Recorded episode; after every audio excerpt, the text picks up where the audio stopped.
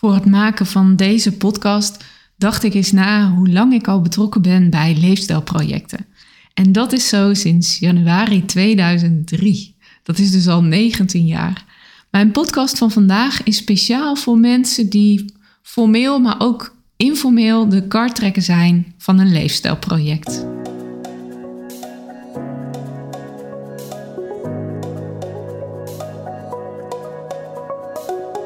Fijn dat je luistert naar Positief Motiveren, de podcast voor zorgprofessionals die nieuwsgierig zijn hoe motiveren leuker en makkelijker kan.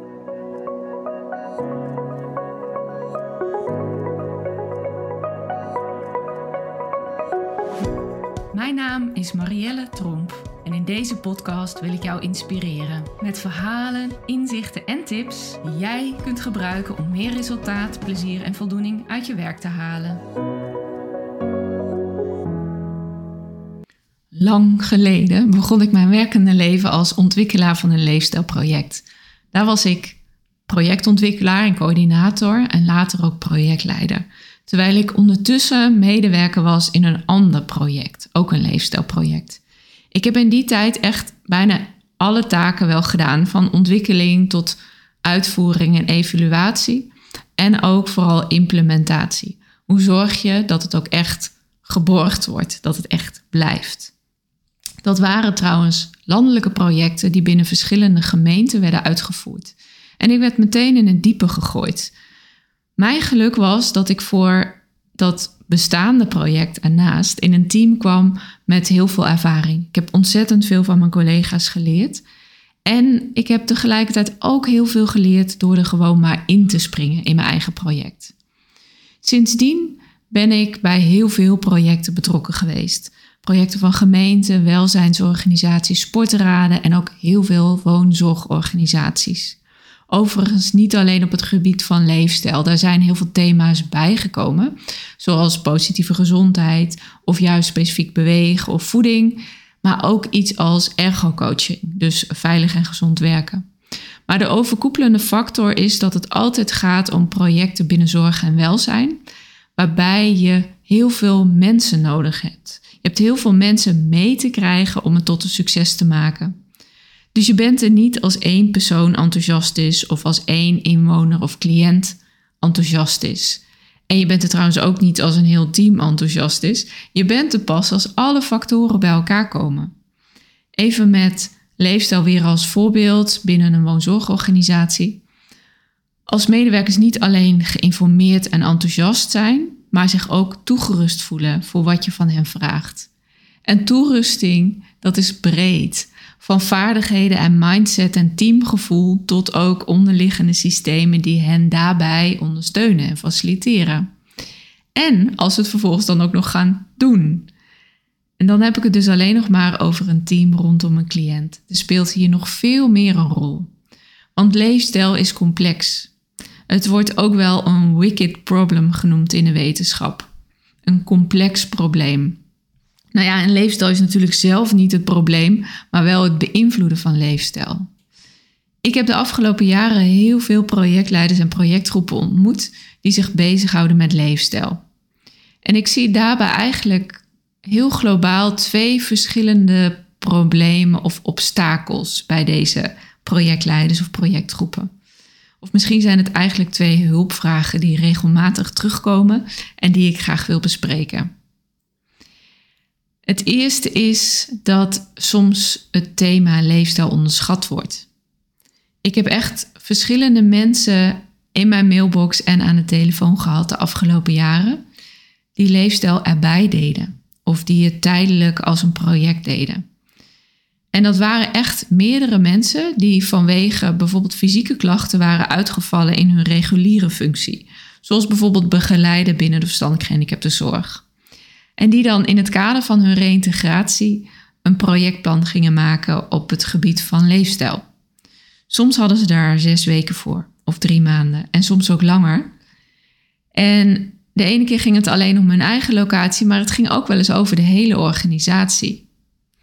Dat heb ik dus verschillende keren meegemaakt en ik schrik daarvan. Laat ik vooropstellen, ik vind het geweldig dat deze mensen zich willen verdiepen in leefstijl. Misschien herken jij jezelf hier ook wel in en dat je daarin dus wat teweeg wil brengen. Dat is echt heel mooi. En natuurlijk is het ook een mooie manier om wel iets voor je cliënten te betekenen als je een tijdje niet in je eigen functie kan werken. Maar wat, waar ik vooral van schrik, is de verwachting. Als iemand tegen mij zou zeggen iets als: Ik heb zes weken om te onderzoeken en te implementeren hoe we op woensdagmiddag en vrijdagmiddag vaak een appel gaan eten, dan zou ik dat toejuichen. En misschien denk je dat ik een grapje maak, dat ik het zo klein maak, maar dat is echt niet zo.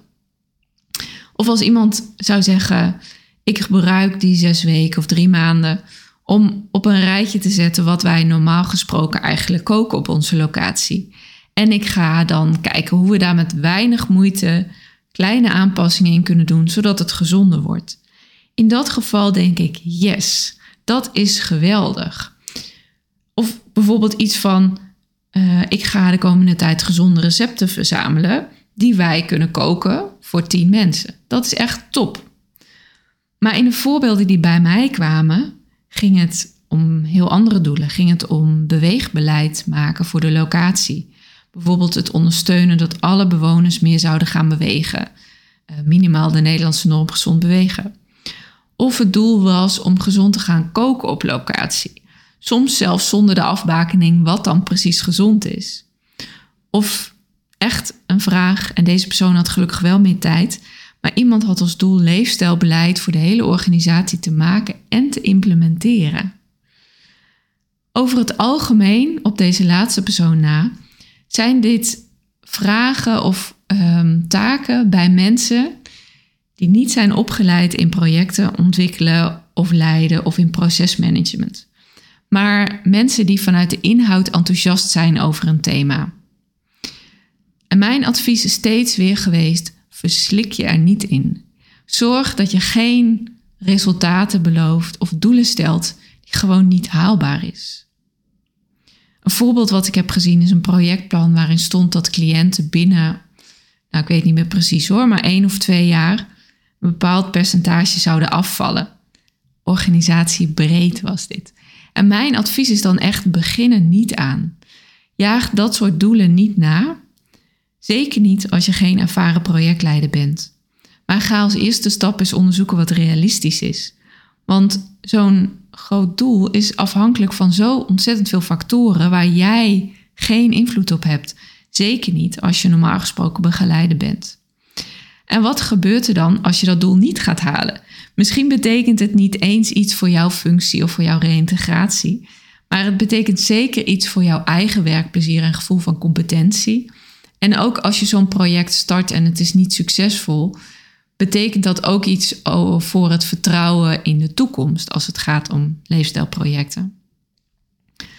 Dus mijn advies in dit soort situaties is altijd geweest: onderschat dit thema niet. Ga er vooral wel mee aan de slag, maar maak het kleiner. Kijk naar één cliënt of kijk naar één kleine verandering, maak het echt heel veel kleiner. Daar doe je jezelf een plezier mee, maar het is ook echt een heel mooi resultaat als je één kleine verandering structureel kunt bereiken. En die ene kleine verandering gaat dan echt wel weer leiden tot meer. En overigens noem ik nu voorbeelden van mensen die niet gewend zijn aan projecten en processen, om het zo maar even samen te vatten. Maar ik heb ook mensen gesproken die wel ervaren zijn als bijvoorbeeld teamleider. En die zich dan toch echt verslikken in dit soort projecten. Met soms gevolgen voor hun baan. Dat is echt heel naar. Dus het eerste, de eerste valkuil of het eerste probleem of de eerste hulpvraag heeft heel vaak te maken met dat mensen het thema leefstijl onderschatten. Maar er zijn gelukkig ook projectleiders en projectgroepen die goed beseffen dat dit een wicked problem is. En zij lopen juist weer tegen heel andere dingen aan. Voor hen is het bijvoorbeeld soms lastig om te starten, om goed te weten wat, wat nou als eerste zou kunnen werken. En een valkuil is echt om dan eindeloos te blijven hangen in onderzoeken en in beleid trouwens. Maar dat is even een zijstap. Waar ik in dit geval juist op in wil gaan, is dat hun probleem is dat ze heel goed beseffen dat ze zich bezighouden met een heel ingewikkeld project met heel veel lagen en uitdagingen. maar dat dat niet altijd geldt voor een opdrachtgever, bijvoorbeeld een bestuurder. Ook onlangs nog sprak ik een projectleider die heel mooi beschreef dat zij in overleg met haar bestuurder was en echt het gevoel had dat ze een andere taal sprak. Ze ontdekte dat de bestuurder de complexiteit die zij zag, dat hij dat niet zag. En in haar pogingen om dit over te brengen, zei ze dat ze het gevoel had dat ze misschien wel een andere taal sprak. Dat ze hem gewoon helemaal niet kon bereiken. En hij haar trouwens ook niet. En zij vroeg aan mij: Ben ik nou gek? En mijn antwoord was dus nee. Want dit is waar heel veel projectleiders mee te maken krijgen. Ik ken dit goed uit mijn tijd dat ik nog voor landelijke leefstijlprojecten werkte, zoals Galm. Een gemeente wilde dan bijvoorbeeld graag een fitheidstest voor inwoners. Maar wij legden uit dat dat weliswaar een mooi evenement is, maar dat je daarmee de inactieve mensen, dus juist de mensen die je wilt bereiken, niet bereikt of niet altijd bereikt. Ook in die situaties, die gesprekken, leek het soms alsof we een van beide Chinees spraken. Op papier hadden we hetzelfde doel, maar onderliggend waren er heel andere verwachtingen, overtuigingen en ideeën, en dus ook taal, waardoor het moeizame gesprekken waren. Projectleiders staan hierin vaak alleen, ook als zij een projectgroep hebben. En ik heb gemerkt dat zij grote behoefte hebben aan steun, aan een sparringpartner. En ik vind het ook een van de leukste dingen om te, dat te doen en om die rol te vervullen. De belangrijkste taak die ik dan heb, naast die steun en die brede blik, is om enerzijds mee te denken hoe we die verandering klein en praktisch maken. Met respect voor alle onderliggende stromen en structuren. En om anderzijds mee te denken hoe die projectleider al die stromingen, eigenlijk al die talen met elkaar kan verbinden. Zodat het niet meer voelt dat je als projectleider of misschien soms als programmamanager Chinees spreekt, maar dat je juist vanuit verschillende hoeken ondersteund wordt. In zo'n geval zet ik zelf trouwens graag systemische werkvormen in.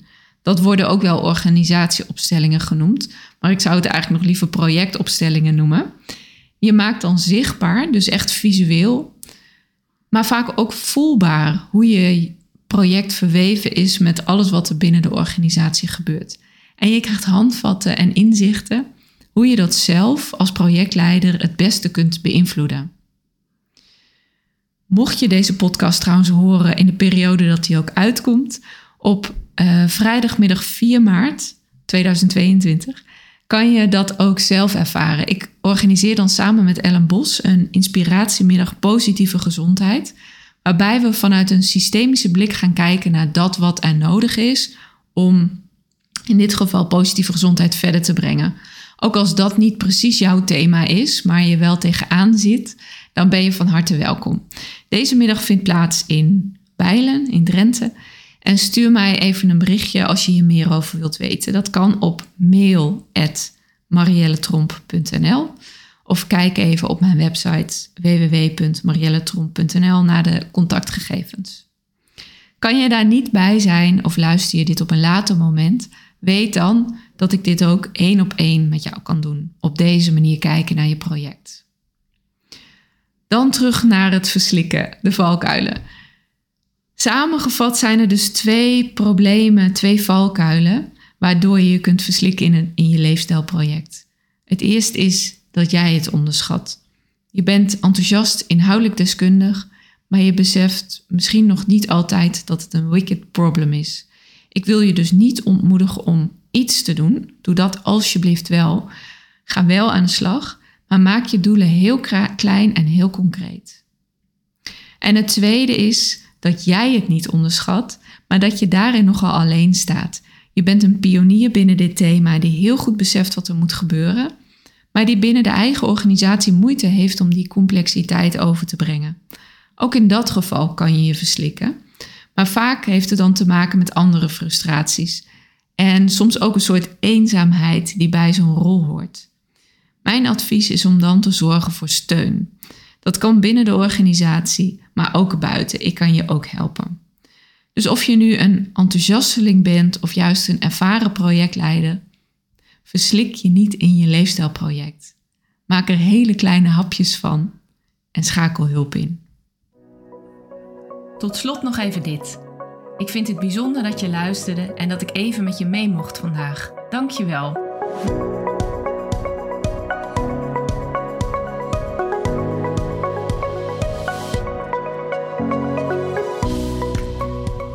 Wil je vanzelf op de hoogte blijven van nieuwe afleveringen? Abonneer je dan op Positief Motiveren in jouw favoriete podcast-app. Op www.positiefmotiverenpodcast.nl leg ik je uit hoe dat werkt en vind je bovendien alle afleveringen inclusief de links naar extra informatie. Ook lees je hier hoe je met mij in contact kunt komen. Want ik vind het echt leuk om van je te horen. Ben je enthousiast over deze podcast? Dan zou ik het enorm waarderen als je helpt om deze breder bekend te maken. Dat kan door deze podcast met collega's te delen of deze te delen op jouw sociale media kanalen. Graag tot de volgende keer.